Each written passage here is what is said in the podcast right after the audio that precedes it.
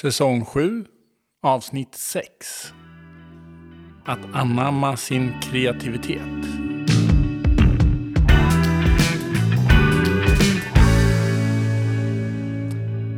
Ja, det här är alltså det fjärde steget av de sju som vi pratar om här från paret Hendrix. Och det här steget, att anamma sin kreativitet, det menar ju de är det allra viktigaste steget. För egentligen kan man uppnå det här att älska medvetet, ha det här eh, åtagandet till varandra bara genom att eh, jobba med, den här, med det här steget. Och skulle det vara så att du gör alla andra steg men inte det här steget, då är det liksom helt kört. Nej, det är det inte. Men det ger absolut Det kommer inte gå. In, nej, det kommer inte lyckas. Alltså. Så att det här steget som är det allra, allra viktigaste så att ni tillsammans kan få det här delade engagemanget och gemensamma åtagandet kring er relation för att älska medvetet. Och hur gör man det här då? Den här är lite knepig. Eh, språkligt. Vi har översatt det med att anamma sin kreativitet. Och eh, ja, vad betyder det då? Vi har tolkat det som att man måste ha en egen plats där man kan hitta skapande, kreativitet, um, egen tid. Man kan ha en gemensam, man kan ha samma uh, område för kreativitet. Men det går alldeles utmärkt att ha dem separat också. Ja, och jag skulle inte kalla det att det, det är det viktigaste att ha en egen tid, utan det viktiga är att min, eh, min kreativitet får något slags utlopp och eh, finns i mitt liv. Och det betyder inte att jag måste producera en massa eh, alster på drejskivan här till exempel. Eller att jag måste skriva sju noveller. Det är inte det som är det kreativa. Det kan lika gärna vara att jag lagar mat kreativt eller att jag får utlopp för min kreativitet på något vis. Det engelska uttrycket är ju claiming creativity. Och, och to claim är ju att... att eh, ta tillbaka? Ja, ta tillbaka, ta sig an, ta tag i, eh, bli ansvarig för. Ja, för de menar ju också i, i den här långa, långa eh, texten om det här stycket att vi liksom dör när vi ska bli vuxna. Någonstans i, i 20-årsåldern så har vi, vi har oftast ingen hobby kvar liksom. Utan vi måste skapa det här på nytt. Så kanske nu när vi vaknar upp här vid 53. Nej, jag tror att vi har vaknat lite tidigare. Men se för guds skull till att du fortsätter att ha någonting som du är passionerad kring. Och låt det så vara relationen om det är så då. Att, att det är där du är kreativ. Vi har ju pratat eh, i andra intervjuer och i, säkert i vår podd också om hur rugbyn var en gemensam faktor för oss i början av vår relation. Vi spelade båda på högsta nivån och vi hade ett intresse för det. Vi reste hela världen runt och spelade. Um, där fick vi ett kreativt utlopp båda två. Du tränar ju med damer och jag med herrar. Det var ju separata saker men det fanns ändå mycket gemensamma punkter där vi kunde mm.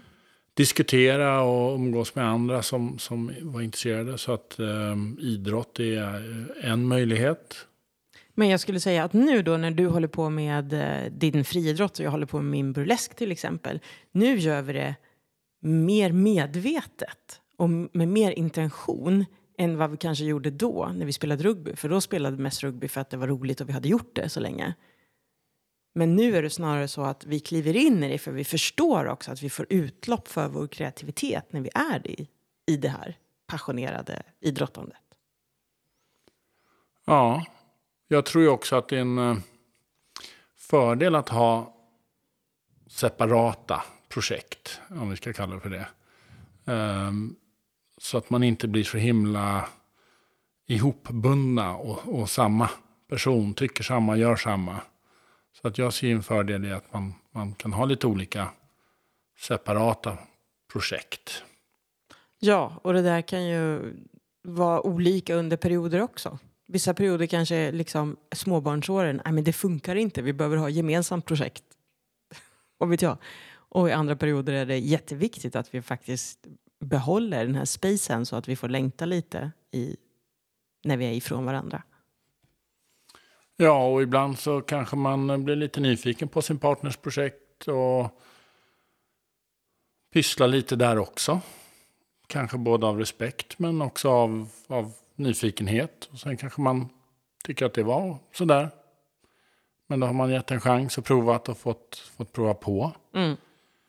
Jag skulle också vilja säga att Henriks påstår att om jag gör det här, om jag anammar kreativ min kreativitet i vår relation och tar personligt ansvar för att skapa saker, inte nödvändigtvis producera, men skapa, skapa min kreativitet, så får jag också bättre eh, möjligheter till att eh, använda kreativiteten även när vi skulle kunna hamna i bråk eller annat.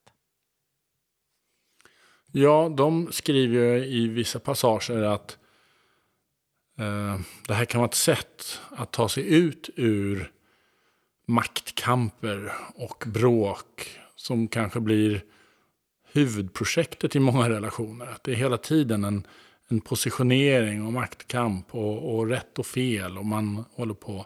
Och de menar att det kan bli någon slags jag vet inte om fristad är rätt ord. Men, Nej, men... men jag tänker att det ena ger det andra. Om jag är bra på att ta ansvar för att jag, jag har en kreativ process med whatever det är i mitt liv så kan jag också vara bättre på att ta ansvar mitt i fighten och säga Hörru du, jag tar ansvar för min del här. Jag har uttryckt mig tokigt. Det var inte meningen. Eller vad det nu kan vara. Ja, och det kanske också hänger ihop med det här vi pratade, ett av eh, eh åtaganden punkt ett, att man ska ha roligt mm. i relationen. Mm. Om du har en punkt där du har roligt, kul, mm. och det behöver nödvändigtvis inte vara med partnern, men en, en, en glädjeplats, en utvecklingsplats, en klurighetsplats, en, en kreativitetsplats. Och får jag dra igång med någonting avslutningsvis här då? då? Mm. Att när du tittar på din partner och den är i sin passion och sitt esse, då är den också mycket hetare än om den skulle sitta hemma och bara dra offerkoftan på sig. Ja, så lite bonusattraktion. Jajamän. Så, anamma er egen kreativitet. Det är det allra viktigaste steget.